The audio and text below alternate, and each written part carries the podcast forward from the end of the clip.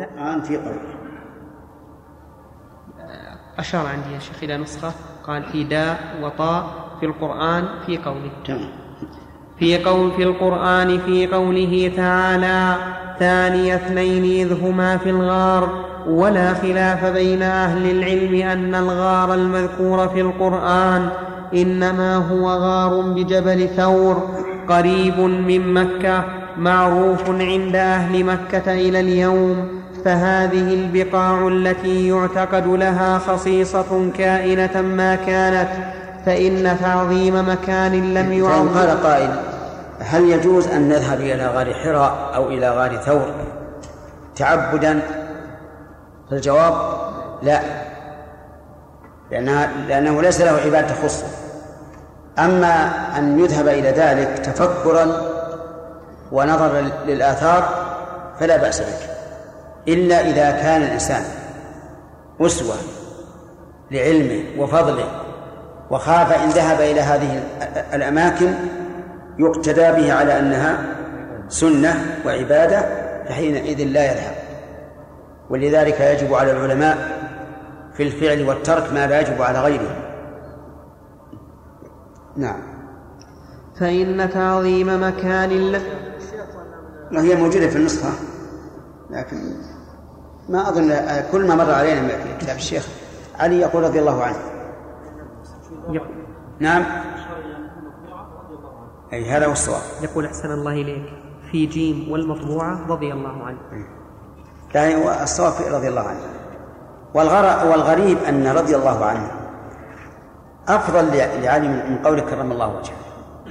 لأن كرم الله وجهه ما فيه إلا إلا وصف سلبي وأما رضي الله عنه فهو أعلى وصف يحصل للإنسان. رضا الله من يناله؟ لكن هذا من جهل الرافضة وأشباههم نعم. فإن تعظيم مكان لم يعظمه الشرع شر من تعظيم زمان لم يعظمه فإن تعظيم الأجسام بالعبادة عندها أقرب إلى عبادة الأوثان من تعظيم الزمان حتى إن الذي ينبغي تجنب الصلاة حتى حتى أن الذي ينبغي تجنب الصلاة فيها وإن كان المصلي لا يقصد تعظيمها لئلا يكون ذلك ذريعا حتى إن الذي؟ ها؟ عندي حتى أن. فتح الهمزة والكسر ما هي المشكلة لأن أين أين خبر أن؟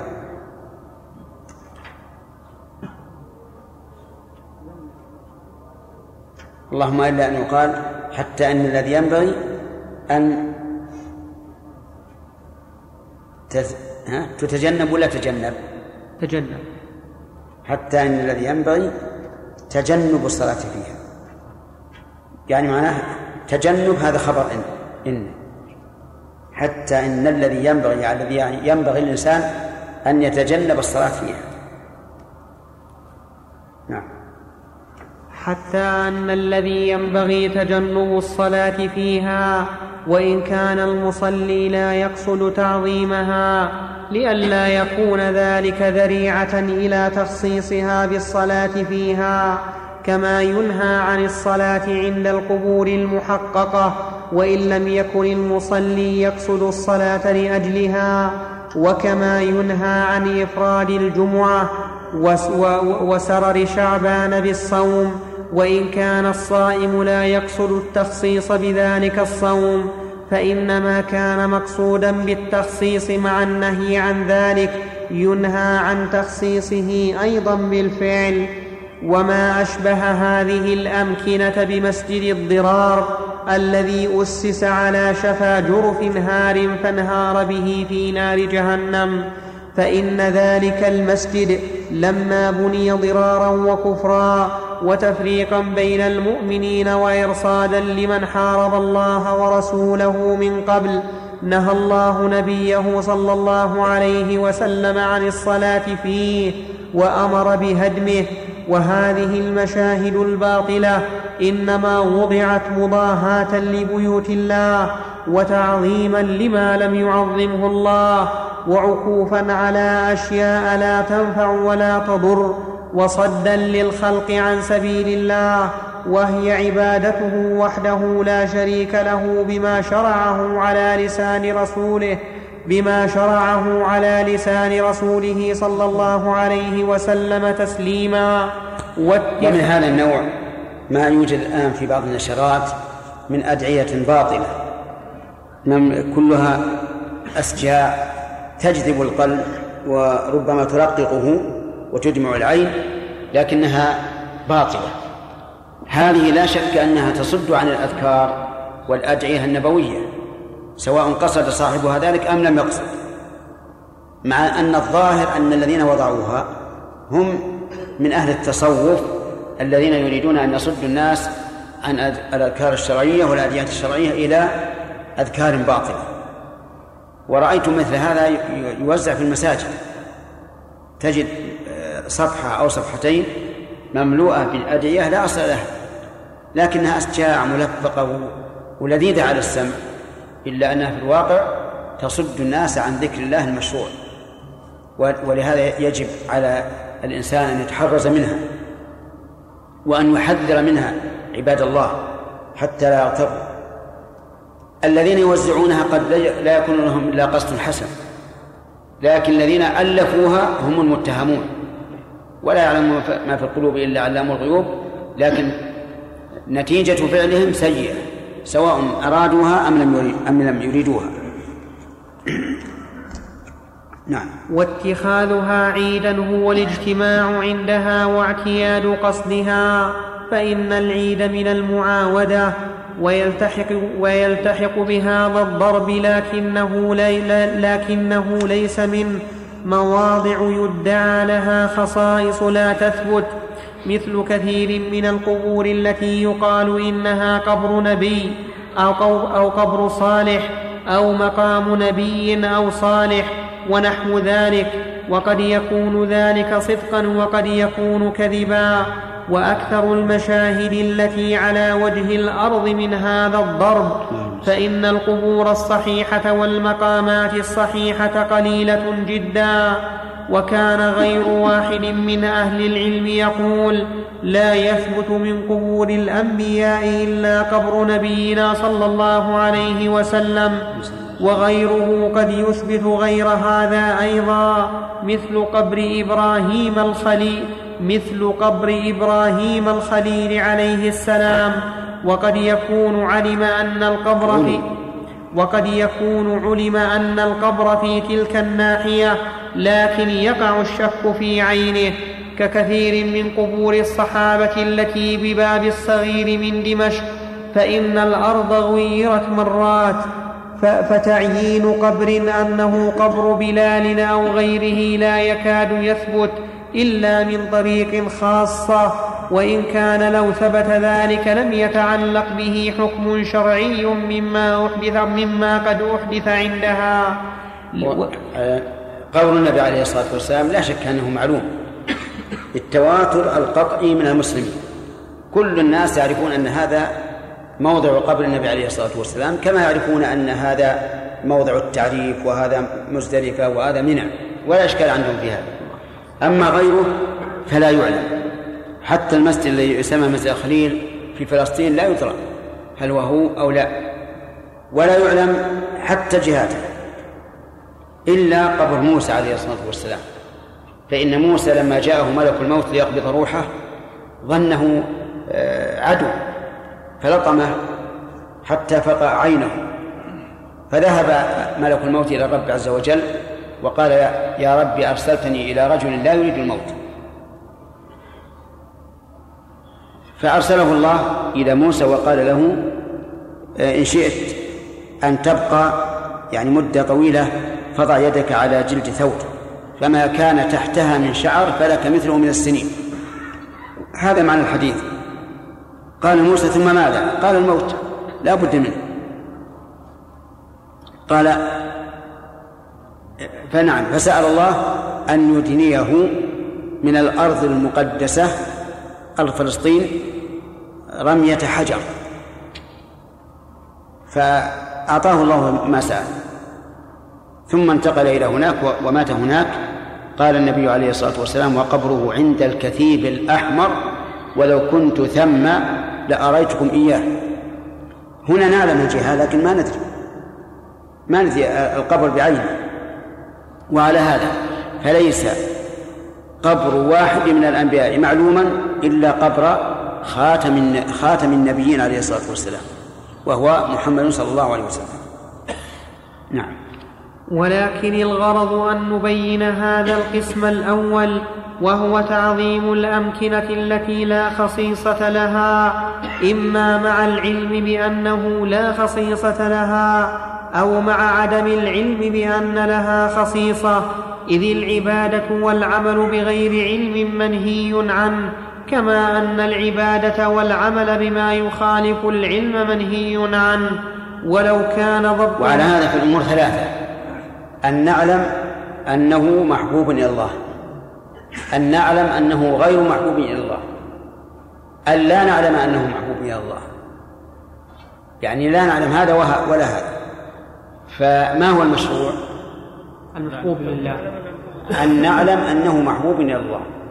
أما ما علمنا أنه غير محبوب أو ما لم نعلم أو ما أو الذي لا نعلم أنه محبوب فهو منهي عنه. لأن الأصل في العبادات المنع إلا بدليل.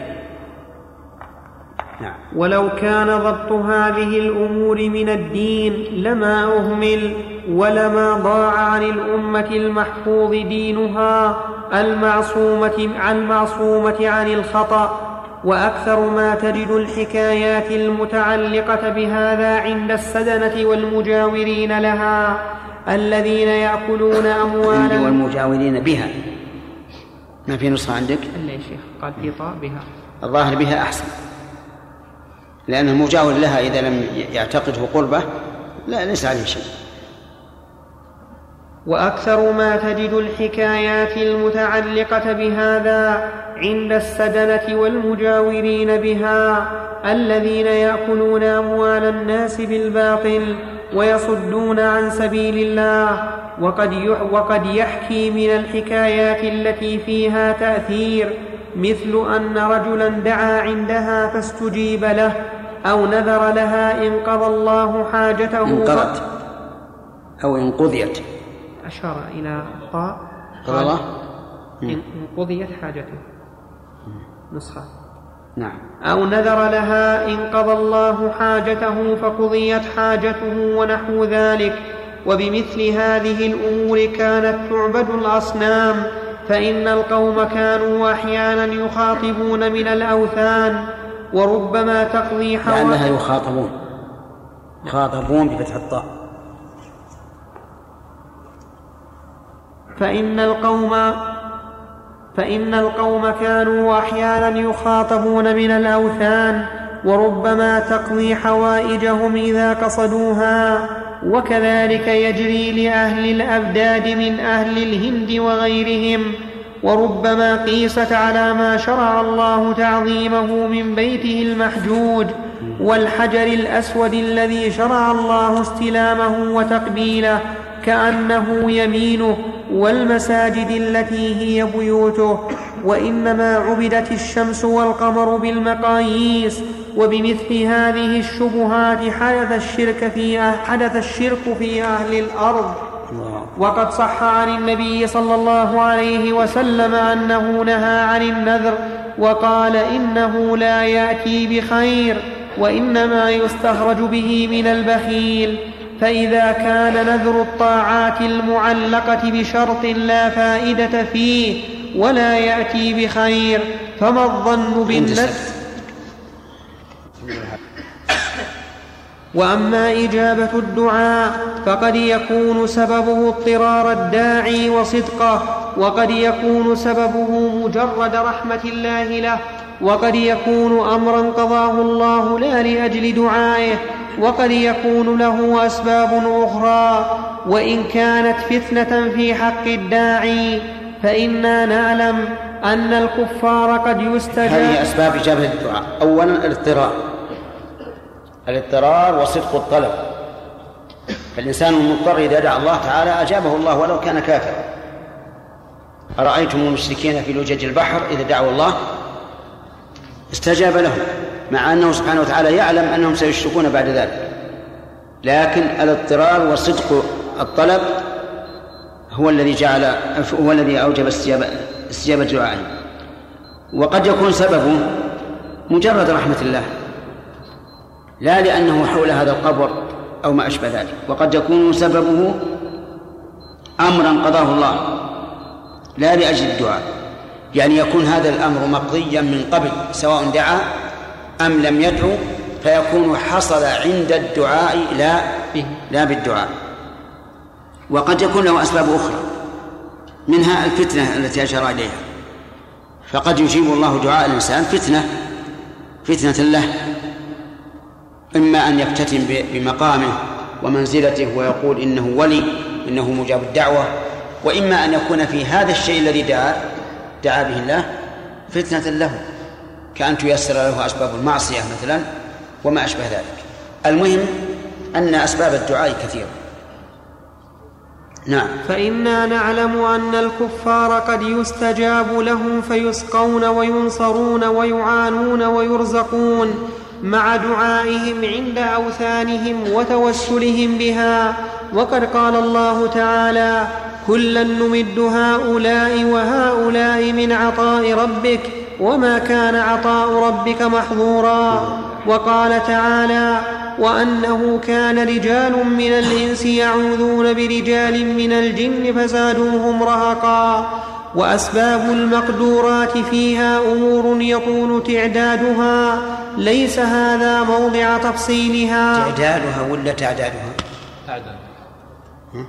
مشكولة لا يا شيخ مشكولة هم يقول ما وجد بالكسر إلا تلقاء وتبيان وكلمات يسيرة ولا الباقي في الفتح بالفتح. وأسباب المقدور لكن تلقاء وتبيان جاءت مكسورة. وفي كلمات أخرى نسيتها لكنها ليس منها تعداد. نعم.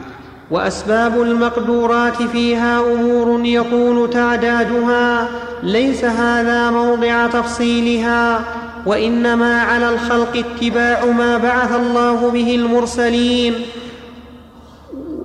والعلم بأن فيه خير الدنيا والآخرة ولعلي إن شاء الله أبين بعض أسباب هذه التأثيرات في موضع آخر. رحم الله أبا العباس. عاد من يلقى؟ أشار إليه يا شيخ. نعم. قال أشار إليه. راجع كتاب المؤلف قاعدة جليلة في التوسل إيش؟ والوسيلة. إيه؟ راجع كتاب قاعدة جليلة في التوسل والوسيلة من صفحة 689 حتى 732 على كل حال يحتاج إلى أن اننا نجد هذه الأسباب في الكتاب المذكور. ثانيا أن يتبين لنا أن الكتاب المذكور بعد اقتضاء الصراط المستقيم.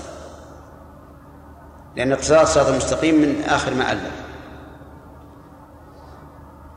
فما أظن احدا منكم يستطيع أن يجمعها. نعم؟ ما عندك ما عندك درس؟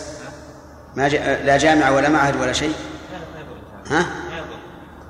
قل إن شاء الله أي لأن المؤلف نفسه يقول لعل إن شاء الله.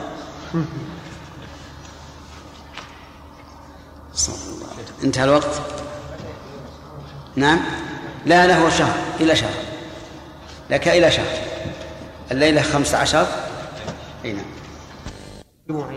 إذا كان مجموعة يجب أن يتبين لنا أن كتاب بعد هذا. لأنه قال سأبين وإلا فهناك أشياء غير اللي بالتوسل والوسيلة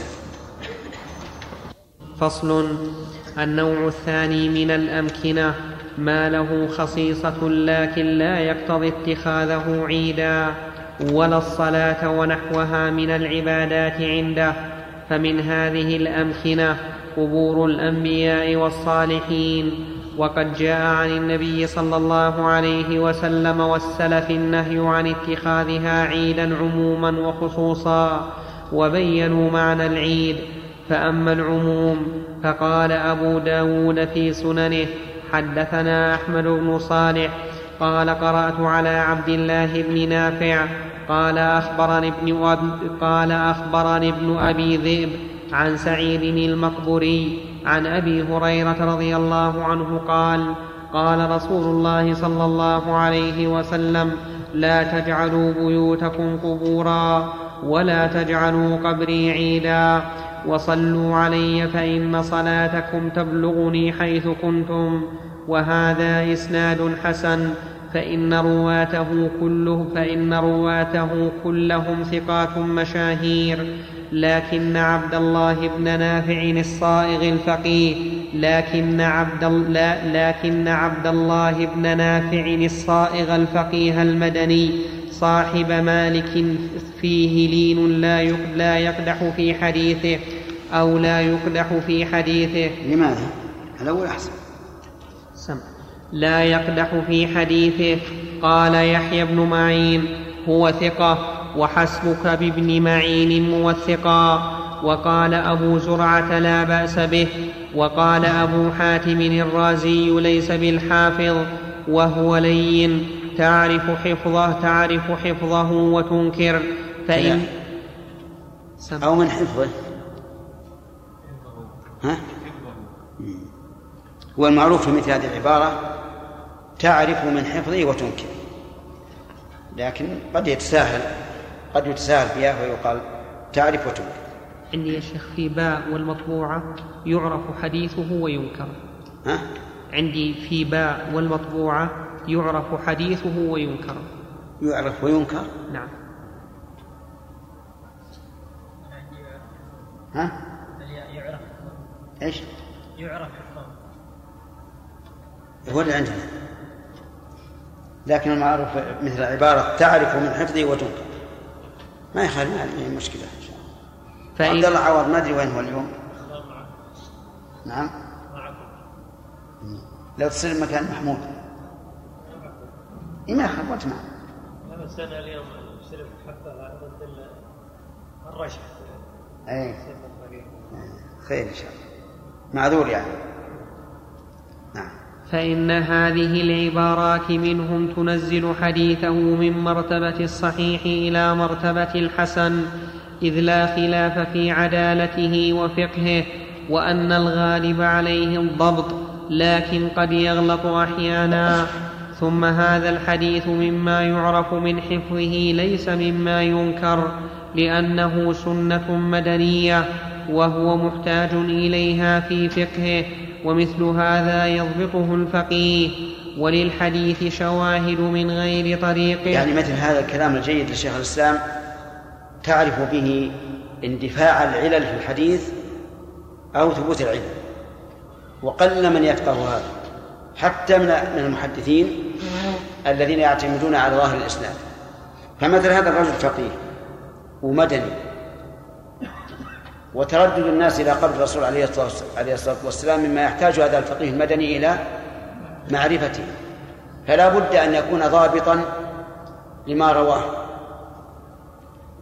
وحتى لو أن لو كان فيه لين فمثل هذا لا يمكن أن أن يلين فيه. لأنه مما تتعلق به آه، مما يتعلق به فقهه. أي نعم. وللحديث شواهد من غير طريقه. فإن هذا الحديث روي من جهات أخرى فما بقي منكرا وكل جملة من هذا الحديث رويت عن النبي. وكل جمل وكل جملة من هذا الحديث رويت عن النبي صلى الله عليه وسلم بأسانيد معروفة. وإنما الغرض هنا النهي عن اتخاذه عيدا. فمن ذلك ما رواه أبو يعلى الموصلي في مسنده. قال حدثنا أبو بكر بن أبي شيبة قال حدثنا زيد بن الحباب قال حدثنا جعفر بن قال حدثنا جعفر بن إبراهيم من ولد ذي الجناحين قال حدثنا علي بن عمر عن أبيه عن علي بن الحسين أنه رأى رجلا يجيء إلى فرجة كانت عند قبر النبي صلى الله عليه وسلم فيدخل فيها فيدعو فنهى فقال ألا أحدثكم حديثا؟ سمعته عن أبي عن جدي عن رسول الله صلى الله عليه وسلم أنه قال لا تتخذوا قبري عيدا ولا بيوتكم قبورا فإن تسليمكم يبلغني اينما كنتم رواه أبو عبد الله محمد بن عبد الواحد المقدسي الحافظ فيما اختاره من الأحاديث الجياد الزائدة على الصحيحين وشرطه فيه أحسن من شرط الحاكم في صحيحه وروى سعيد ما معنى قوله لا تتخذوا قبري عيدا؟ ولا بيوتكم قبورا. الجملة الأولى لا تتخذوه قبر عيدا تعتادون التردد إليه. لا سيما إن قيد ذلك بأيام معلومة كما لو قيد في أيام المولد. وأما لا تجعلوا قبور ولا تجعلوا بيوتكم قبورا فتحتمل معنيين. المعنى الأول لا تجعلوها كالقبور بحيث لا تصلون فيها. لأن المقبرة قد علم في الشرع أنها ليست مكانا للصلاة. أو المعنى لا تقبروا فيها موتاكم. الإنسان في البيت كان ذلك وسيلة إلى الغلو فيه والتردد إليه. وكلا الأمرين منهي عنه. نعم. وروى سعيد في سننه قال حدثنا حبان بن علي قال حدثني محمد بن عجلان عن أبي سعيد مولى المهري قال قال رسول الله صلى الله عليه وسلم لا تتخذوا بيتي عيدا ولا بيوتكم قبورا وصلوا علي حيثما كنتم فإن صلاتكم تبلغني. وقال وقال سعيد حدثنا عبد العزيز عبد العزيز بن محمد قال أخبرني سهيل بن أبي سهيل قال رآني الحسن بن الحسن بن علي بن أبي طالب عند القبر فناداني وهو في بيت فاطمة يتعشى فقال هلم إلى العشاء فقلت لا أريده فقال ما لي رأيتك عند القبر فقلت سلمت على النبي صلى الله عليه وسلم فقال إذا دخلت المسجد فسلم ثم قال إن رسول الله صلى الله عليه وسلم يعني السلام المشروع عند دخول المسجد. بسم الله والسلام على رسول الله. يعني كأنه يقول اكتفي بهذا ولا حاجة إلى أن تأتي إلى القبر. ثم قال إن رسول الله صلى الله عليه وسلم قال لا تتخذوا بيتي عيدا. ولا تتخذوا بيوتكم مقابر. لعن الله اليهود. اتخذوا قبور أنبيائهم مساجد. وصلوا علي فإن صلاتكم تبلغني حيثما كنتم. ما أنتم ومن بالأندلس إلا سواء. هذا من كلام الحسن. فهذان المرسلان. ما أنتم ومن بالأندلس إلا سواء. يعني فالإنسان إذا سلم ولو أو صلى ولو في أبعد ما يكون فإنه يبلغ سلامه وصلاته النبي صلى الله عليه وسلم. وبهذا نعرف آه، ضلال بعض العوام. الذين يقولون لمن لمن قدم إلى المدينة سلم لي على الرسول صلى الله عليه وسلم. وكأنه حي كأنه حي يبلغه السلام. وهذا غلط. لأنه إذا قال سلم لي إن قصد أنه يسلم على الرسول نيابة عنه فهذا توكيل في طاعة في طاعة لم يرد التوكيل فيها. وإن أراد أنه ينقل سلامه فنقول نقل سلام نقل الملائكة لسلامك ها؟ أشد طمأنينة وأقوى أمنا. وأسد وأسد أمانة. نعم. فهذان المرسلان من هذين الوجهين المختلفين يدلان على ثبوت الحديث لا سيما وقد احتج من أرسله به وذلك يقتضي ثبوته عنده ولو لم يكن رو ولو, ولو لم يكن روي من وجوه مسندة غير هذين. فكيف وقد تقدم مسندا؟ وجه الدلالة أن قبر رسول الله صلى الله عليه وسلم أفضل قبر على وجه الأرض وقد نهى عن اتخاذه عيدا فقبر غيره أولى بالنهي كائنا من كان. ثم إنه قرن ذلك بقوله صلى الله عليه وسلم ولا تتخذوا بيوتكم قبورا أي لا تعطلوها عن الصلاة فيها والدعاء والقراءة فتكون بمنزلة القبور فأمر بتحري العبادة في البيوت ونهى عن تحريم عن ونهى عن تحريها عند القبور عكس ما يفعله المشركون من النصارى ومن تشبه بهم.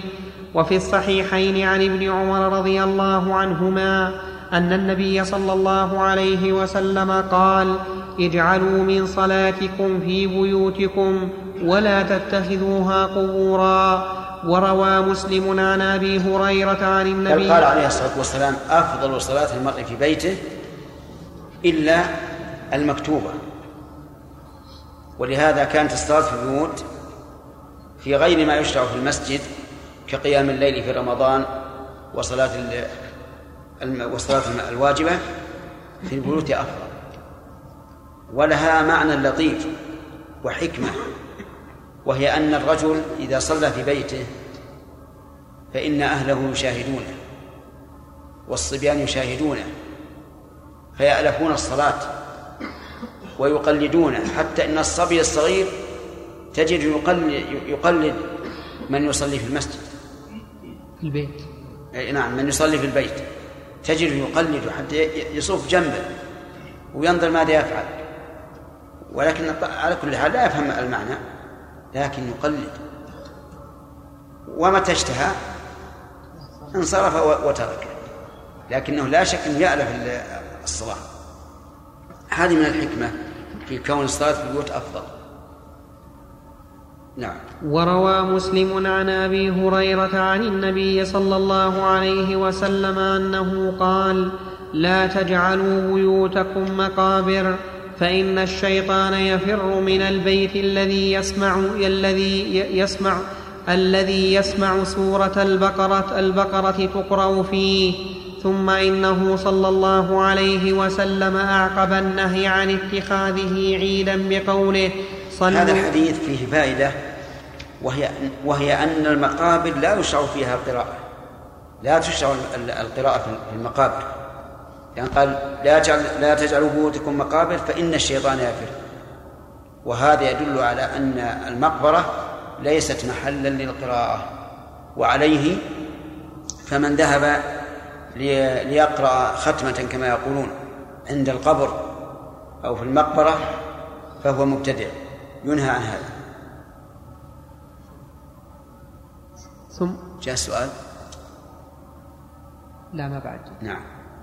ثم إنه صلى الله عليه وسلم أعقب النهي عن اتخاذه عيدا بقوله صلوا علي فإن صلاتكم تبلغني حيثما كنتم وفي الحديث الآخر فإن تسليمكم يبلغني أينما كنتم يشير بذلك صلى الله عليه وسلم إلى أن ما ينال إلى أن ما ينالني منكم من الصلاة والسلام يحصل مع قربكم من قبري وبعدكم منه فلا حاجة بكم إلى اتخاذه عيدا.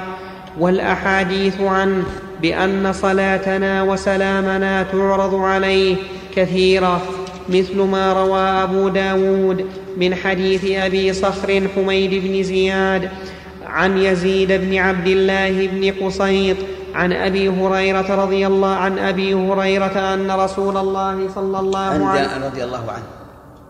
ولاتك ما عدلت عنها طيبة هذه. ما عندي يا شيخ. لا عندنا. نعم.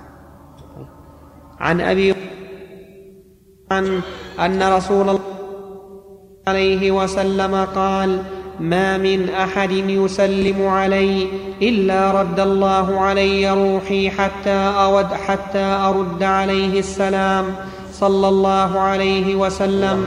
وهذا الحديث على شرط مسلم. ومثل ومثل ما ومثل ما روى أبو داود أيضا عن سبحان الله أحوال الآخرة والقبور تبهر العقول. من يستطيع أن يحصي المسلمين على الرسول في آن واحد؟ لا أحد. ومع ذلك كل واحد يسلم عليه يرد الله عليه روحه فيرد عليه السلام. سواء قرب منه أم بعد. الله أكبر. نعم. ومثل ما روى أبو داود أيضا عن أوس بن أوس رضي الله عنه أن رسول الله صلى الله عليه وسلم قال أكثروا من الصلاة علي يوم الجمعة وليلة الجمعة فإن صلاتكم معروضة علي. قالوا يا رسول الله كيف تعرض صلاتنا عليك وقد أرمت؟ فقال إن الله حرم على الأرض أن تأكل لحوم الأنبياء.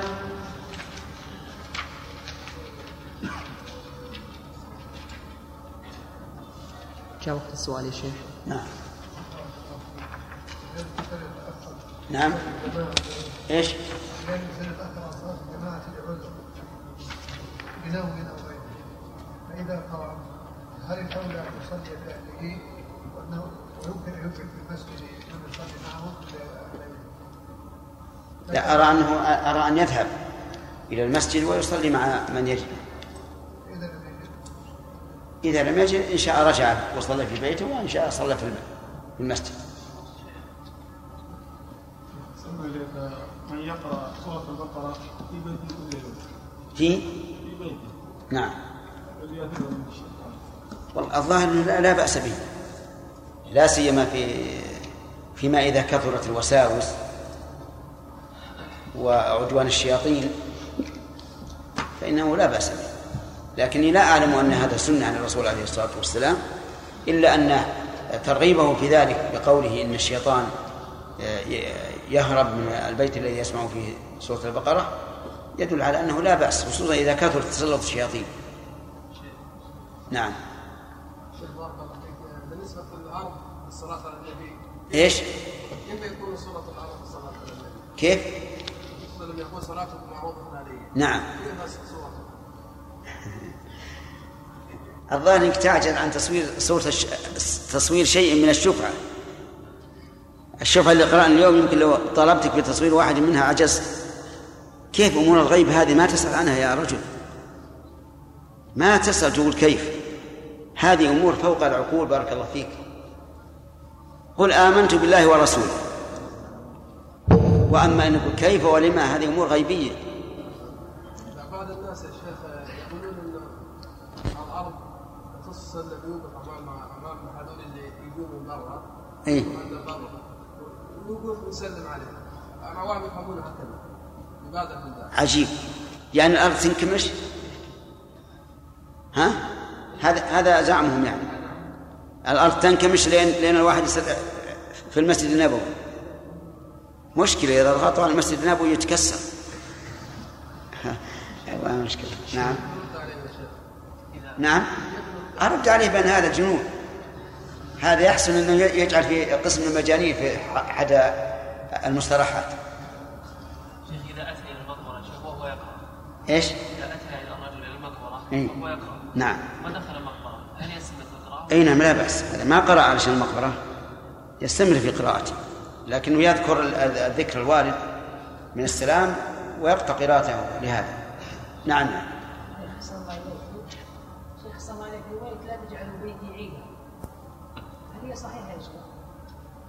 شيخ؟ الإسلام نقلها وأقرها وهو مما يدل على إيش؟ على أن الرسول سوف يقبر في بيته. يؤخذ الشيخ هذا؟ نعم. يؤخذ من علم من اعلام النبوه. نعم.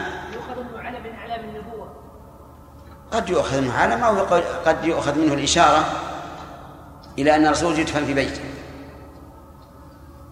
نعم. الله يا شيخ هل هناك فرق بين ان يسلم على النبي صلى الله عليه وسلم خارج الظاهر لا فرق. تسليمه بيبلغ على كل حال. لكن غيره من الناس ما يبلغ التسليم إلا إذا كان سلم إذا وقف على القبر وهو يعرفه. إن صح الحديث في هذا فابن عبد البر صححه وأقره ابن القيم في كتاب الروح وبعض المتأخرين يقول إنه غير صحيح. نبينا محمد وعلى آله وأصحابه أجمعين. أما بعد فقد قال شيخ الإسلام ابن تيمية رحمه الله تعالى في اقتضاء الصراط المستقيم. ومثل ما روى أبو داود أيضا عن أوس بن أوس رضي الله عنه أن رسول الله صلى الله عليه وسلم قال أكثروا من الصلاة علي يوم الجمعة وليلة الجمعة فإن صلاتكم معروضة علي. قالوا يا رسول الله كيف تعرض صلاتنا عليك وقد أرمت؟ فقال إن الله حرم على الأرض أن تأكل لحوم الأنبياء. أرم أي صار رميما أي عظما باليا فإذا اتصلت به تاء الضمير فأفصح اللغتين أن يفك الإدغام. فيقال أرمت وفيه لغة أخرى كما في الرواية أرمت بتشديد الميم. وقد يخفف فيقال أرمت. وفي مسند ابن أبي شيبة عن أبي هريرة قال قال رسول الله صلى الله عليه قوله عليه الصلاة والسلام إن الله حرم على الأرض أن تأكل أجساد الأنبياء يعني معناه ولن, ولن, ولن أكون رميما. لأن الأرض إذا لم تأكل اللحم لم تأكل العظم. أو يقال أجساد الأنبياء يعم العظم واللحم. فأجساد الأنبياء باقية. لا تأكلها الأرض. لأن الله تعالى حرم على الأرض أن تأكلها. نعم الله. وفي أما غير الأنبياء فالأصل هو الأصل أنها تأكله لكن قد يوجد من لا تأكله الأرض. كما نسمع عدة حوادث أنه عثر على بعض القبور التي لم تأكلها الأرض. نعم. وفي مسند ابن أبي شيبة عن أبي هريرة قال قال رسول الله صلى الله عليه وسلم من صلى عند قبري من صلى عند قبري سمعته ومن صلى علي نائعا ناهيا بلغت بلغته رواه الدار قطني بمعناه وفي النسائي وغيره عنه صلى الله عليه وسلم أنه, أنه قال إن الله وكل بقبري ملائكة يبلغوني عن أمتي السلام إلى أحاديث أخرى في قوله من صلى عند قبري. ما عندك النسخة الثانية عندي أحسن الله إليك. قال في المطبوعة علي وعند قبري ساقطة. لا إذا نجمع بينهم. من صلى علي عند قبري. نضيفها يا شيخ. نعم. نضيفها تصحيح ها؟ أقول نضيفها في أي تصحيح.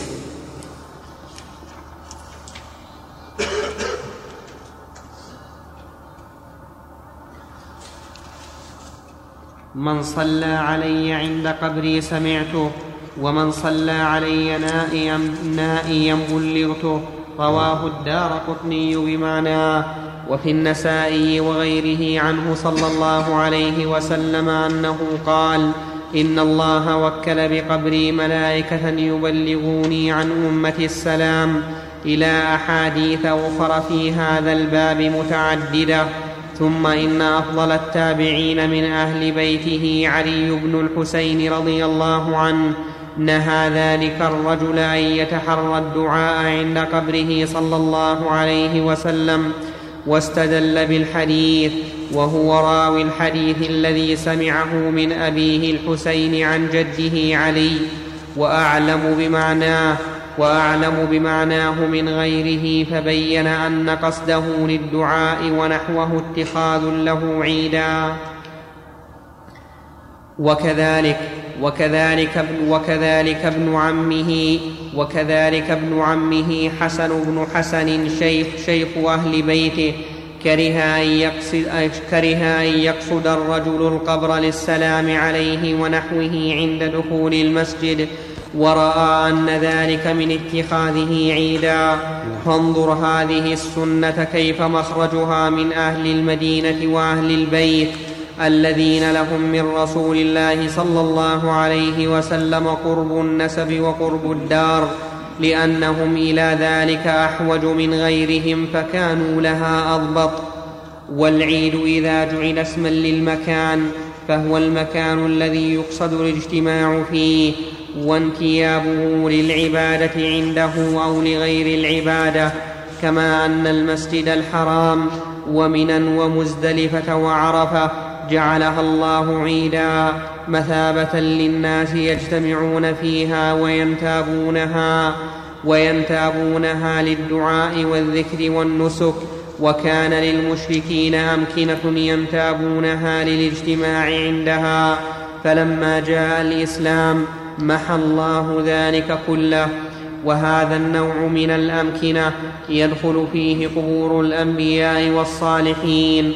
والقبور التي يجوز أن تكون قبورا لهم بتقدير كونها قبورا لهم بل وسائر القبور أيضا داخلة في هذا فإن قبر المسلم له من الحرمة ما جاءت به السنة إذ هو بيت المسلم الميت فلا يترك عليه شيء من النجاسات بالاتفاق ولا يوطأ ولا يداس ولا يتكأ عليه عندنا وعند جمهور العلماء ولا يجاور بما يؤذي الأموات من الأقوال والأفعال الخبيثة ويستحب عند إتيانه السلام عليه مهمة لا يجاور بما يؤذي الأموات من الأقوال والأفعال الخبيثة.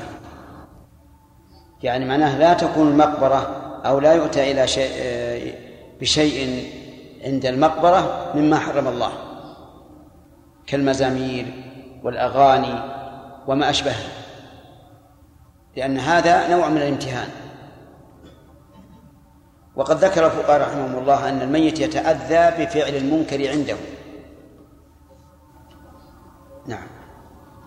وكل ويستحب عند إتيانه السلام على صاحبه والدعاء له وكلما كان الميت أفضل كلما كان وكلما كان الميت أفضل كان حقه أوكد قال بريدة بن الحصيب رضي الله عنه كان قال بريدة بن الحصيب رضي الله عنه كان رسول الله صلى الله عليه وسلم يعلمهم إذا خرجوا إلى المقابر أن يقول قائلهم السلام على أهل الديار.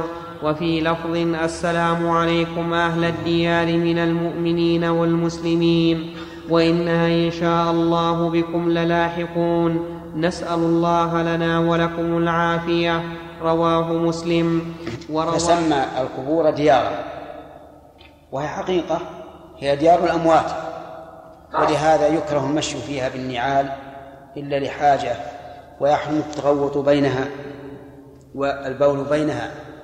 وكذلك المنكرات لا تفعل عند القبور لأنها ديار الأموات. وفي قوله وإنا إن شاء الله بكم للاحقون إشكال وهو كيف يعلق المشيئة بما تحقق وقوعه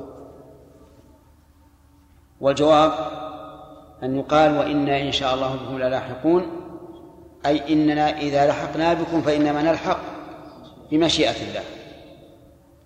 وقيل وإنا إن شاء الله بهم لاحقون يعني على الإسلام. لكن هذا بعيد.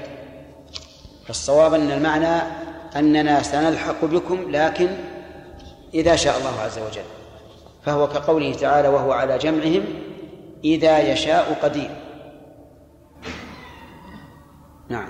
وروى أيضا عن أبي هريرة أن رسول الله صلى الله عليه وسلم خرج إلى المقبرة فقال السلام عليكم دار قوم مؤمنين وإنا إن شاء الله بكم لاحقون. وروى أيضا عن عائشة في حديث طويل عن النبي صلى الله عليه وسلم أنه قال إن جبريل أتاني فقال إن ربك يأمرك أن تأتي أهل البقيع فتستغفر لهم. قالت قلت كيف أقول يا رسول الله؟ قال قولي السلام على أهل الديار من المؤمنين والمسلمين ويرحم الله المستقدمين منا والمستأخرين وإنا إن شاء الله بكم لاحقون. عندي للاحقون نسخة؟ لا. ضعوها إي نعم يا شيخ إي نعم؟ في في دال وطاء للاحقون للاحقون طيب. وروى ابن ماجة عن عائشة. في هذا الحديث إشكال وهي أن عائشة رضي الله عنها قالت كيف أقول يا رسول الله؟ قال قولي السلام عليكم على أهل على أهل الديار. فإن ظاهر هذا الإذن الإذن لها بزيارة المقبرة.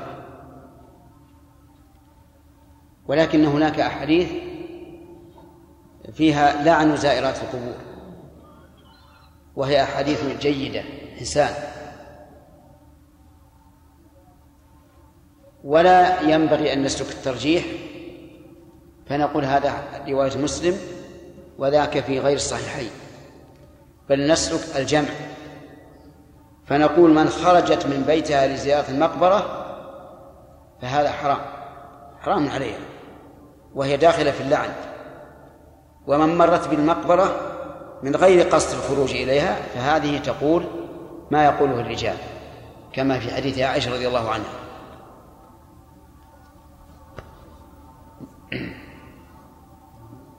وروى ابن ماجة عن عائشة أنها قالت فقدته فإذا هو بالبقيع فقال السلام عليكم دار قوم مؤمنين أنتم لنا فرط ونحن بكم لاحقون اللهم لا تحرمنا أجرهم ولا تفتنا بعدهم. وعن ابن عباس رضي الله عنهما قال مر رسول الله صلى الله عليه وسلم بقبور المدينة فأقبل عليهم بوجهه فقال السلام عليكم يا أهل القبور. يغفر الله لنا ولكم. أنتم سلفنا ونحن بالأثر. رواه أحمد والترمذي. وقال حديث حسن غريب. وقد ثبت واختلاف هذا هذه الألفاظ تدل على أن الأمر واسع في الدعاء. إذا دعا الإنسان بدعاء مناسب سواء بهذا اللفظ أو بهذا اللفظ أو بهذا اللفظ فكله جائز كله سنة. نعم.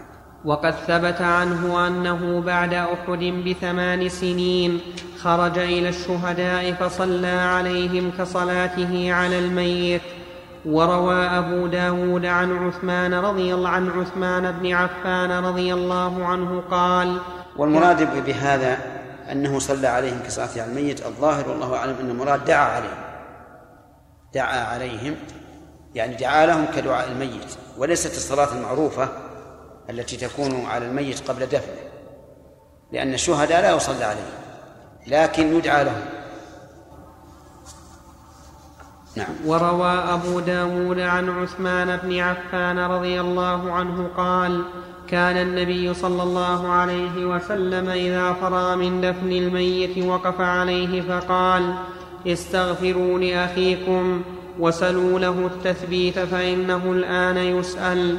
وقد روي حديث صححه ابن عبد البر أنه قال ما من رجل يمر بقبر الرجل كان يعرفه في الدنيا فيسلم عليه إلا رد الله عليه روحه حتى يرد عليه السلام.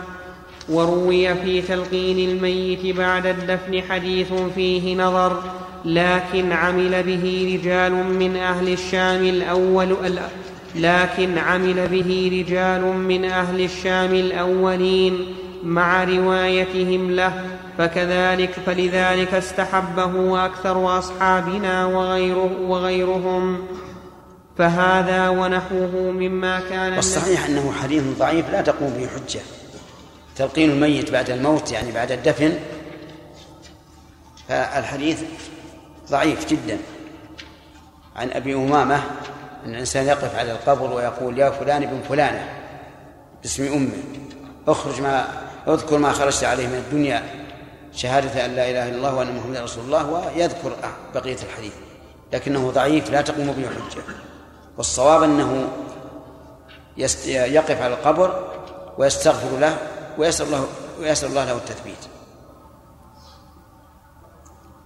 نعم. فهذا ونحوه مما كان النبي صلى الله عليه وسلم يفعله ويأمر به أمته عند قبور المسلمين عقب الدفن.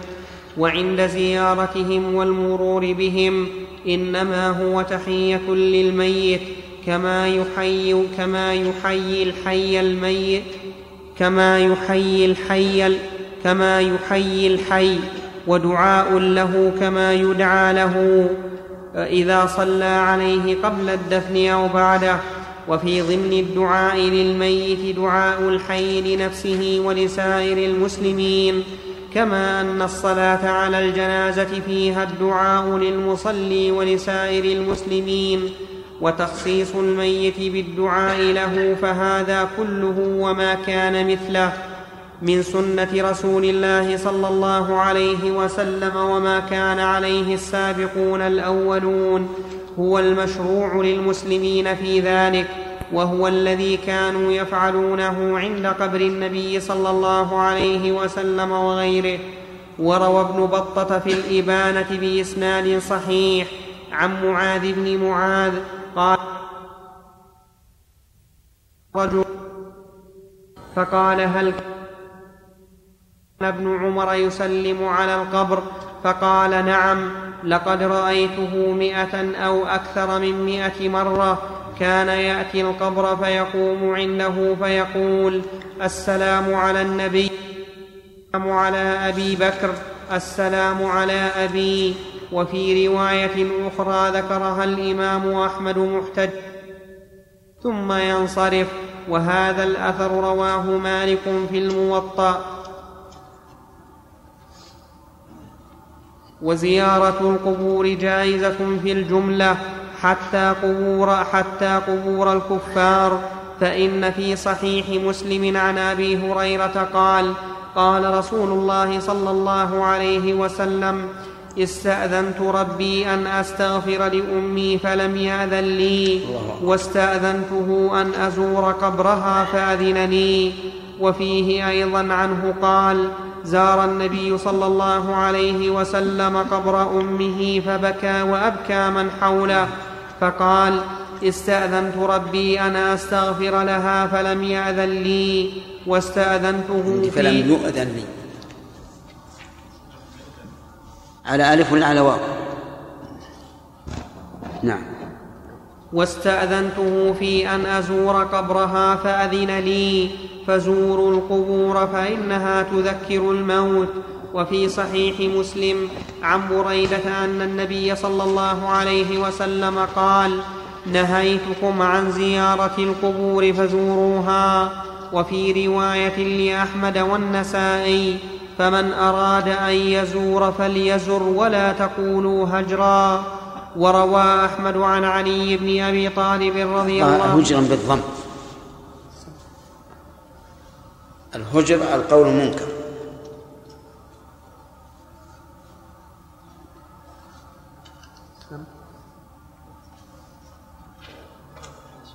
نعم أي هش عندك؟ أي عندك ذكره؟ وش يقول؟ ذكرها عندي يا شيخ. نعم. ذكرها عندي. نعم مش يقول يقول والهجر بالضم الكلام القبيح. قال الشافعي وذلك مثل الدعاء بالويل والثبور والنياحة. نعم. المنكر. وروى أحمد عن علي بن أبي طالب رضي الله عنه أن رسول الله صلى الله عليه وسلم قال إني كنت نهيتكم عن زيارة القبور فزوروها فإنها تذكركم الآخرة. فقد أذن النبي صلى الله عليه وسلم في زيارتها بعد النهي وعلل ذلك بأنها تذكر الموت والدار الآخرة. وأذن إذنا عاما في زيارة قبر المسلم والكافر. والسبب الذي ورد عليه هذا اللفظ يوجب دخول الكافر والعلة وهي تذكر الموت والآخرة موجودة في ذلك كله. وقد كان صلى الله عليه وسلم يأتي قبور أهل البقيع والشهداء للدعاء لهم والاستغفار فهذا المعنى يختص بالمسلمين دون الكافرين. فهذه الزيارة وهي, وهي زيارة القبور لتذكر الآخرة أو لتحيتهم والدعاء لهم. هو الذي جاءت به السنة كما تقدم. وقد اختلف أصحابنا وغيرهم. هل يجوز الس... نعم. إذا نقف على وقد اختلف أصحابنا.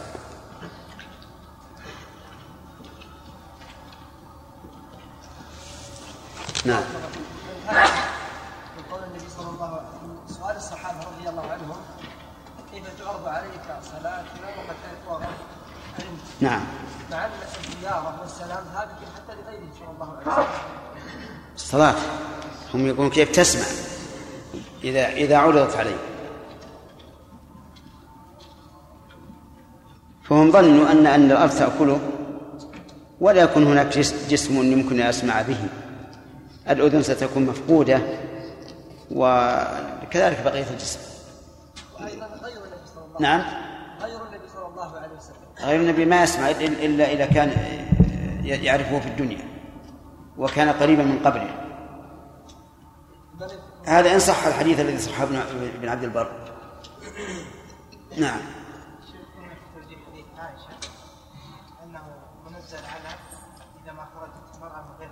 نعم. وقلنا قبل يا شيخ إن إن زيارة القبور من وراء جدران والسلام عليها لا يتوجه لا إيش؟ لا- يتوجه. إيش؟ هذه القبور اللي ما فيها ما فيها جدران. هل لها وجود هذا؟ ايها ايها اي ما يقال زار القبر لأن بينه وبينه حجاب. شيء نعم.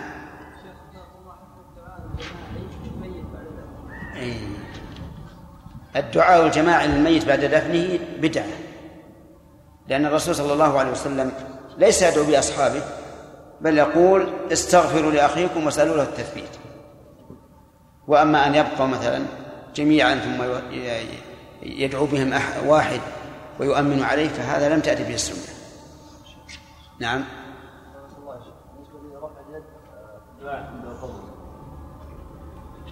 هذا مما أتوقف فيه لأننا إن نظرنا إلى أن الأصل في في الدعاء رفع اليد. لكن بعض العلماء يقول الأصل رفع اليد في دعاء الابتهال الذي يعني يب- يبتهل به العبد ويشدد. والباقي لا. إلا أن إلا أن قول الرسول عليه الصلاة والسلام إن الله يستحيي من عبده إذا رفع إليه يديه أن يردهما صفرا يدل على أن الأصل الرفع إلا ما قام الدليل على عدم الرفع فيه. لكن الرفع عند القبر يخشى منه أن يتخذ وسيلة إلى التجمع حول القبر وأن يرفع الناس كلهم أيد- أيديهم ثم يدعو بهم واحد منهم. هذا هو المحذور. ولا فالأصل أنه مشروع. نعم. ما حكم الذي إذا زار المقابر دخل فيها لأجل أن يدعو لنفسه من باب أنه يعني يرق قلبه عندها أو نحو ذلك. لا لا لا ينبغي هذا. يتذكر الموت بالدعاء لهم وتصور أحوالهم من قبل أنهم كانوا على ظهر الأرض يأكلون كما ن- نأكل ويشربون كما نشرب ويتمتعون بالدنيا. شيخ حسن الله إليك. قول شيخ الإسلام رحمه الله ولا تجاور القبور بما يؤذيها. نعم. ضابط المجاورة هل لا بد أن يكون المجاور ملاصقا مثلا لسور المقبرة أو حتى لو كان مقابل ويفصل بينها وبينه شارع كما هو الحال بين الناس اليوم؟ أنهم يعدون الجيران ولو كانوا مقابلين. والله في احتمال أن يقال المجاورة هي الملاصقة أو أن المجاورة بحيث يسمعون هذا القول المنكر. والحقيقة أن أن تكون محلا لل- للمنكرات وشبهها مع أن المقام مقام تذكر للآخرة. نعم. لله رب العالمين والصلاة والسلام على أشرف الأنبياء والمرسلين نبينا محمد وعلى آله وأصحابه أجمعين. أما بعد فقد قال فقد قال شيخ الإسلام فقد قال شيخ الإسلام ابن تيمية رحمه الله تعالى في اقتضاء الصراط المستقيم فهذه الزيارة وهي وقد اختلف. وقد اختلف أصحابنا وغيرهم هل يجوز السفر لزيارتها؟ على قولين أحدهما لا يجوز والمسافرة لزيارتها؟ والمسافر والمسافرة لزيارتها معصية ولا يجوز قصر الصلاة فيها. وهذا قول ابن بطة وابن عقيل وغير وغيرهما لأن هذا السفر بدعة لم يكن في عصر السلف وهو مشتمل على ما سيأتي من معاني النهي. ولأن في الصحيحين عن النبي صلى الله عليه وسلم أنه قال لا تشد الرحال إلا إلى ثلاثة مساجد المسجد الحرام والمسجد الأقصى ومسجدي هذا. هذا الحديث يجب أن نعرف المراد به. لا تشد الرحال قصدا للمكان إلا لهذه الثلاث المساجد أما إذا شد الرحل للزيارة أو التجارة أو طلب العلم أو ما أشبه ذلك فلا بأس به. وبه نعرف خطأ من اعترض على بعض الإخوة الذين يسافرون إلى بلد آخر لاستماع خطبة خطيب يرون أنها مؤثرة أو أو ما أشبه ذلك. فيقال هؤلاء لم يسافروا لشرف المكان وإنما سافروا لغرض آخر. فأما شد الرحال لقصد أي مكان فإن هذا فإنه لا يشرع إلا في هذه الثلاث المساجد وبعضهم قال لا تشد الرحال لشيء من المساجد فخصصه إلا لهذه المساجد الثلاثة. وقال إن الاستثناء يدل على ذلك لكن الأقرب أنه عام وأنه وأن الرحال لا تشد لقصد مكان من من الأرض إلا لهذه المساجد الثلاثة. نعم. وهذا النهي يعم السفر إلى المساجد والمشاهد وكل مكان يقصد السفر إلى عينه للتقرب بدليل أن بصرة بن أبي بصرة الغفاري لما رأى أبا هريرة راجعا من الطور الذي كلم الله عليه موسى قال لو رأيتك قبل أن تأتيه لم تأته لأن النبي صلى الله عليه وسلم قال لا تشد الرحال إلا إلى ثلاثة مساجد فقد فهم الصحابي الذي روى الحديث أن الطور وأمثاله من مقامات الأنبياء مندرجة في العموم وأنه لا يجوز السفر إليها كما لا يجوز السفر إلى مسجد غير المساجد الثلاثة. وأيضا فإذا كان السفر إلى بيت من بيوت الله غير الثلاثة لا يجوز مع أن قصده لأهل مصره يجب تارة ويستحب أخرى. وقد جاء في قصد المساجد من الفضل ما لا يحصى فالسفر إلى بيوت عباده أولى أن لا يجوز. والوجه الثاني أنه يجوز السفر إليها. قاله طائفة من المتأخرين منهم أبو حامد الغزالي وأبو الحسن بن عبدوس الحراني والشيخ أبو محمد المقدسي. وما علمته منقولا عن أحد من المتقدمين. بناء على أن الحديث لم يتناول النهي عن ذلك كما لم يتناول النهي عن السفر إلى الأمكنة التي فيها التي فيها الوالدان والعلماء والتي فيها الوالدان والعلماء والمشايخ والإخوان أو بعض المقاصد من الأمور الدينية. المقاصد من الأمور. أو بعض المقاصد من الأمور الدينية المباحة. الأمور الدنيوية يعني. أي أي سم أو بعض نعم السفر إلى بيوت الموتى من عباده أين هي؟ قبل قبل الوجه الثاني نعم قرأ قال السفر إلى بيوت عباد الله إيه عندنا الموتى من عباد الله اللي عند الأخ أشار إليها وقال إنها مطبوعة غير مؤثرة كيف؟ اللي عند عند الأخ أشار إليها عندي بأنها مطبوعة. أي وش يقول؟ ليست في النسخ. إيه. أقرأ علينا لأن هي مشكلة عليه لا أدري هل إلى بيوت عبادة. لا هو بيوت. هو قال قال في المطبوعة بيوت الموتى من عبادة. هكذا.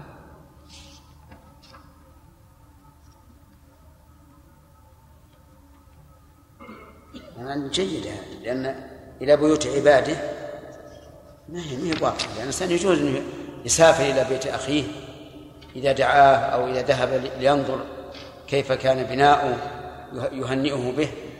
ليس فيه شيء. هي إما إلى بيوت عبادة وإلا إلى بيوت الموت عندك.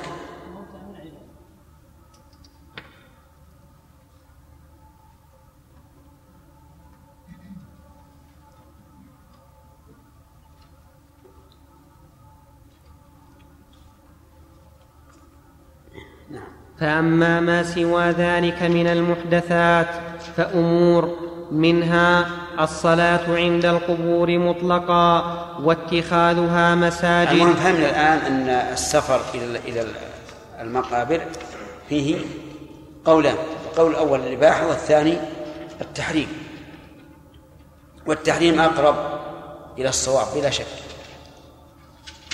والمؤلف لولا أنه وعدنا بما بما سيبينه من المفاسد لكنا نتكلم عليه لكن ما دام وعدنا ننتظر إن شاء الله حتى نسمعها. نعم. منها الصلاة عند القبور مطلقا واتخاذها مساجد وبناء المساجد عليها. فقد تواترت النصوص عن النبي صلى الله عليه وسلم بالنهي عن ذلك. والتغليظ فيه. فأما بناء المساجد على القبور فقد صرح عامة علماء الطوائف بالنهي عنه متابعة للأحاديث. وصرح أصحابنا وغيرهم من أصحاب مالك والشافعي وغيرهما بتحريمه. ومن العلماء ومن العلماء من أطلق فيه لفظ الكراهة فما أدري عنا به التحريم أو التنزيه ولا ريب في القطع بتحريمه لما روى مسلم في صحيحه عن جندب بن عبد الله البجلي أنه قال سمعت النبي صلى الله عليه وسلم قبل أن يموت بخمس وهو يقول إني أبرأ إلى الله أن يكون لي منكم خليل فإن الله قد اتخذني خليلا. كما اتخذ إبراهيم خليلا. ولو كنت متخذا بهذا نعرف أن وصف الرسول عليه الصلاة والسلام بأنه خليل الله أفضل من وصفه بأنه حبيب الله.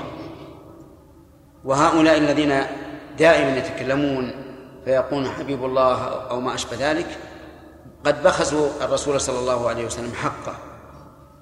لأن الخلة أعلى من المحبة. المحبة ثابتة لكثير من عباد الله. إن الله يحب المتقين ويحب المحسنين ويحب المقسطين وما أشبه ذلك. الخلة لا نعلمها ثابتة إلا لهذين الرسولين الكريمين إبراهيم ومحمد عليه الصلاة والسلام. ولهذا نوه النبي عليه الصلاة والسلام بهذه المنقبة العظيمة له قال إن الله اتخذني خليلا كما اتخذ إبراهيم خليلا. نعم. إني أبرأ إلى الله بل إني سمعت بعض الناس بعض الناس يقول محمد حبيب الله وإبراهيم خليل الله.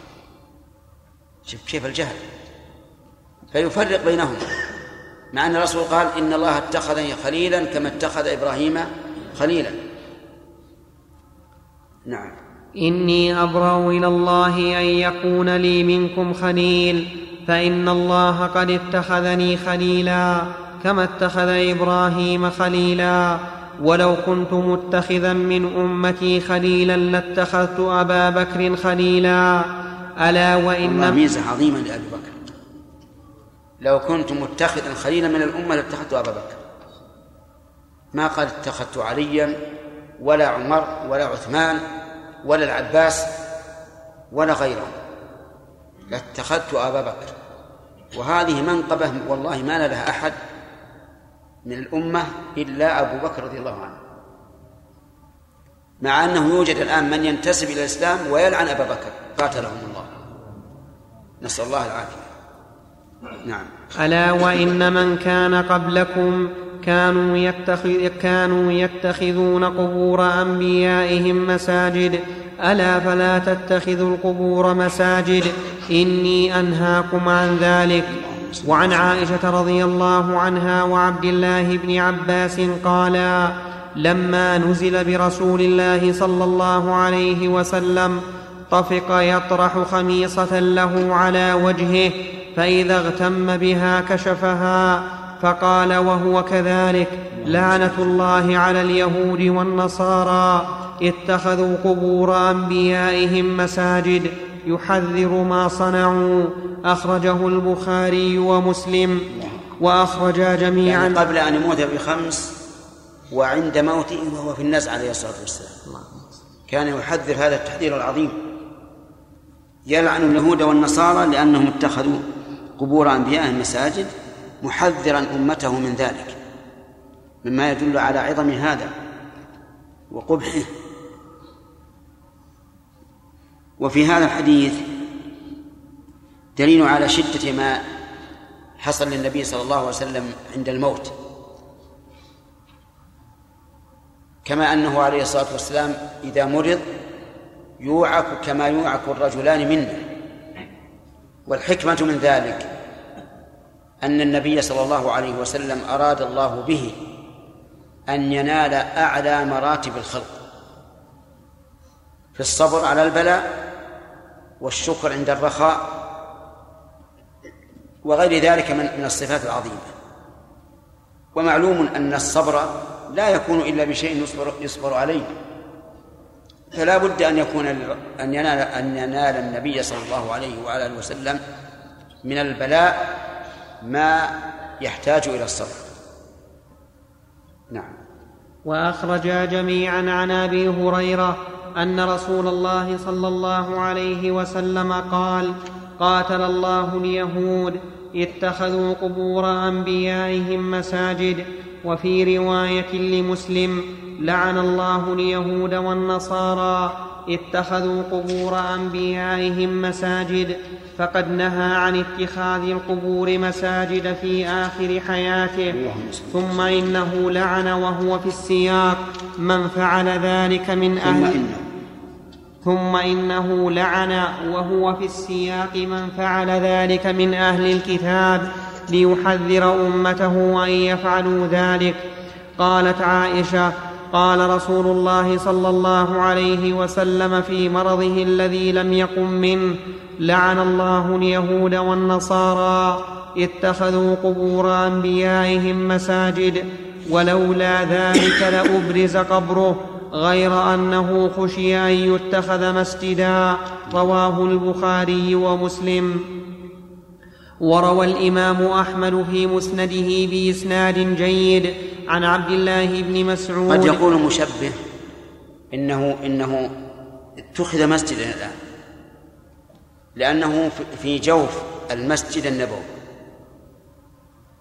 فيقال هذا من باب اتباع المتشابه. والذين يتبعون المتشابه هم الذين في قلوبهم زيغ كما جاء في الحديث الصحيح إذا رأيتم الذين يتبعون ما تشابه منه فأولئك الذين سمى الله فاحذروه فيقال إن المسجد النبوي لم يبنى على قبر النبي صلى الله عليه وسلم وقبر النبي لم لم يوضع في المسجد وإنما كان في بيته. ومن الحكمة ما ذكرته عائشة هنا. خشي أن خشي أن يتخذ مسجدا. لكن لما حصلت التوسعة ولم يكن لهم بد من أن تدخل المقصورة التي هي بيت الرسول عليه الصلاة والسلام في المسجد دخلت في المسجد. وهي بيت مستقل. بيت مستقل عن المسجد. ليست منه. وبهذا تبطل حجته. أن المسجد لم يبنى على القبر والقبر لم يوضع في المسجد, في المسجد. نعم. قالت عائشة قال رسول الله صلى الله عليه وسلم في مرضه الذي لم يقم منه لعن الله اليهود والنصارى اتخذوا الإمام خلصنا وروى الإمام أحمد في مسنده بإسناد جيد عن عبد الله بن مسعود أن النبي صلى الله عليه وسلم قال إن من أشرار الناس من تدركهم الساعة وهم أحياء. عندي من شرار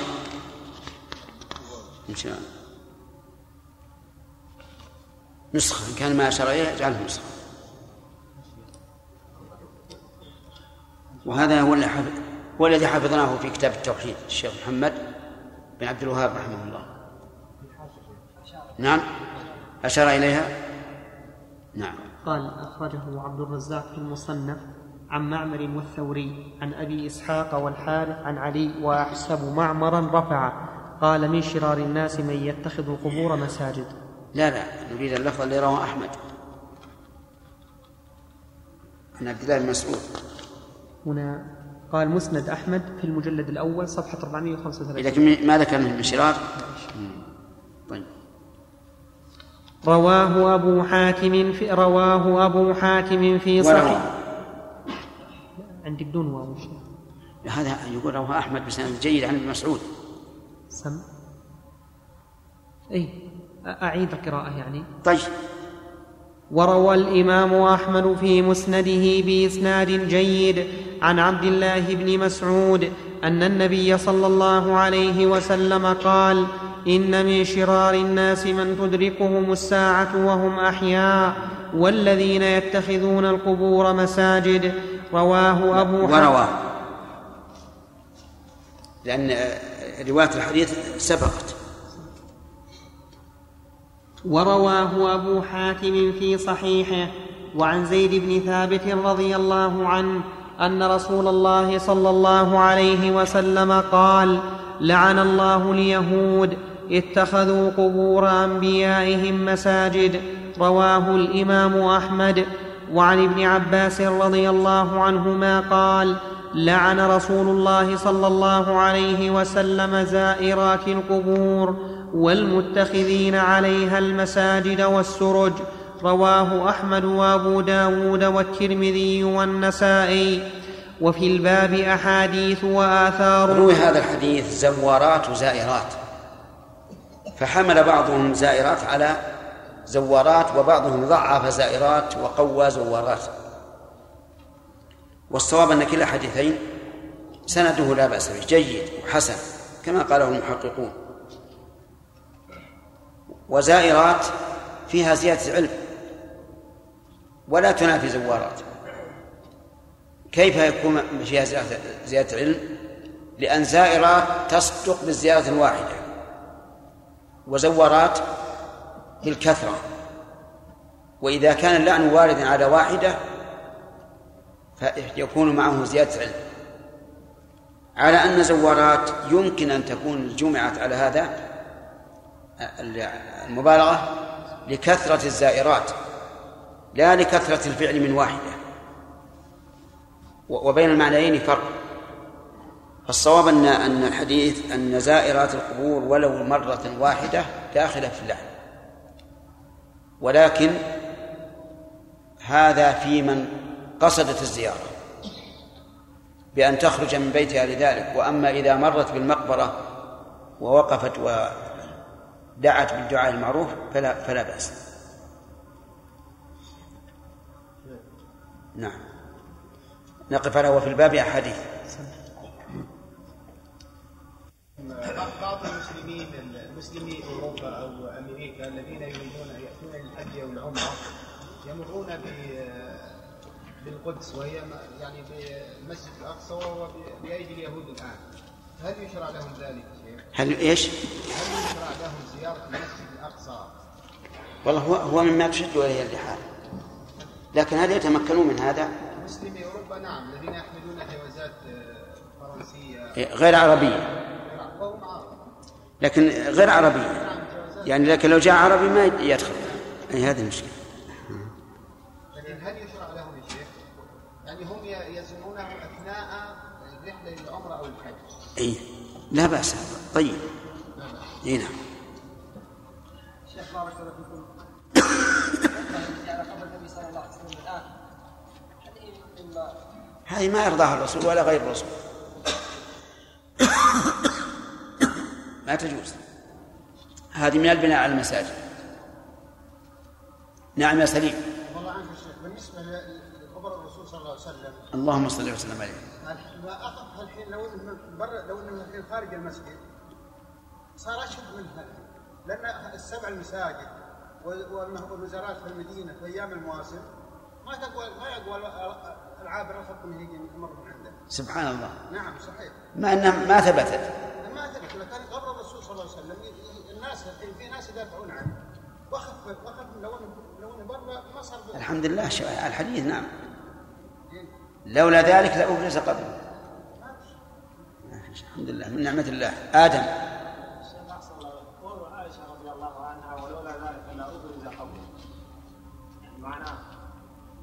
معناه لولا خشية أن يبنى عليه كما بني على قبور الأنبياء ويتخذ مسجدا لأبرز قبره يعني صار في البقيع.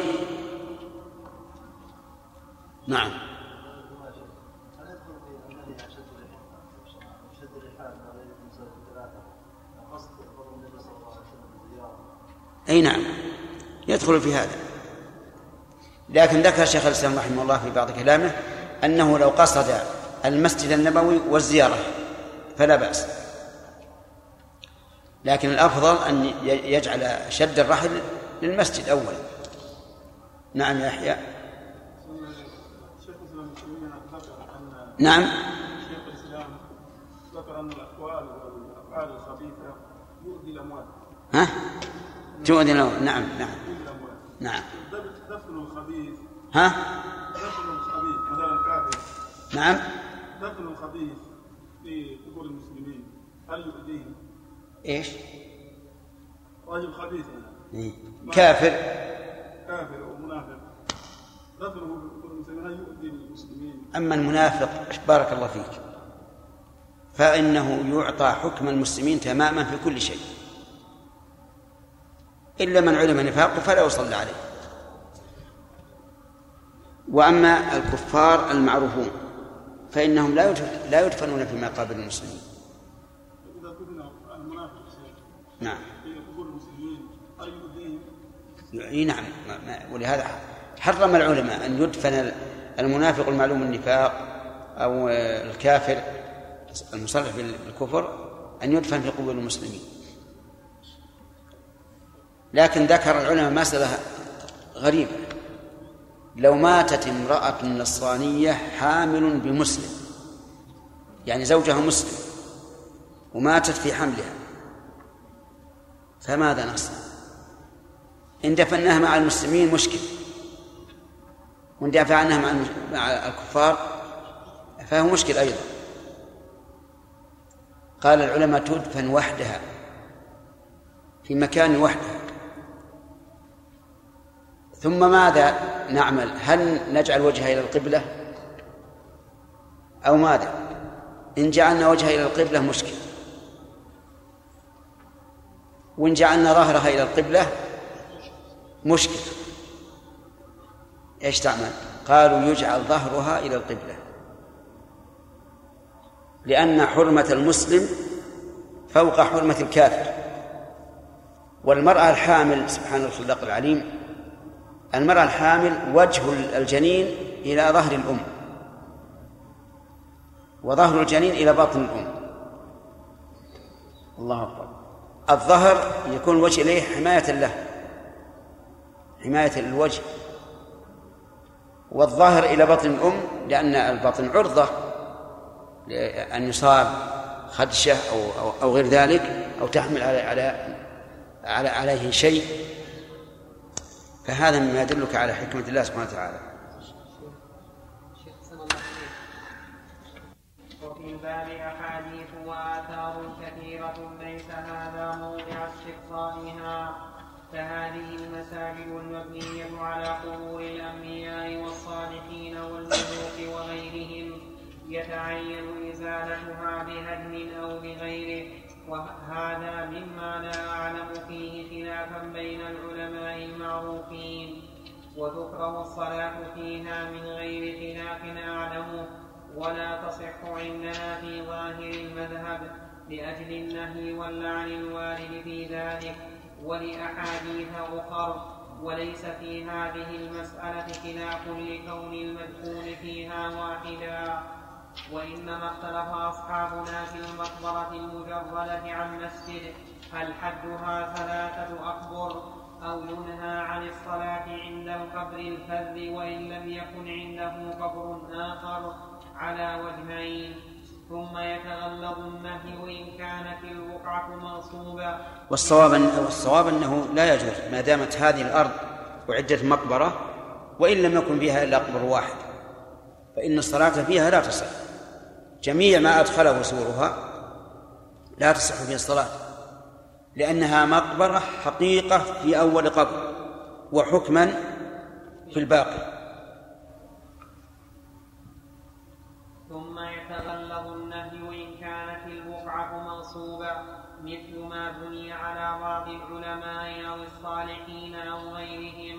ممن كان مدفونا في مقبرة مسبلة فبني على قبره مسجد أو مدرسة أو فبني مدرسة. على قبره مسجد أو مدرسة أو رباط أو مشهد وجعل فيه مطهرة أو لم يجعل فإن هذا مشتمل على أنواع من المحرمات أحدها أن المقبرة المسبلة لا يجوز الانتفاع بها في غير الدفن من غير تعويض بالاتفاق فبناء المسجد أو المدرسة أو الرباط فيها كدفن الميت في المسجد أو كبناء الخانات ونحوها في المقبرة أو كبناء المسجد في الطريق الذي يحتاج الناس إلى المشي فيه.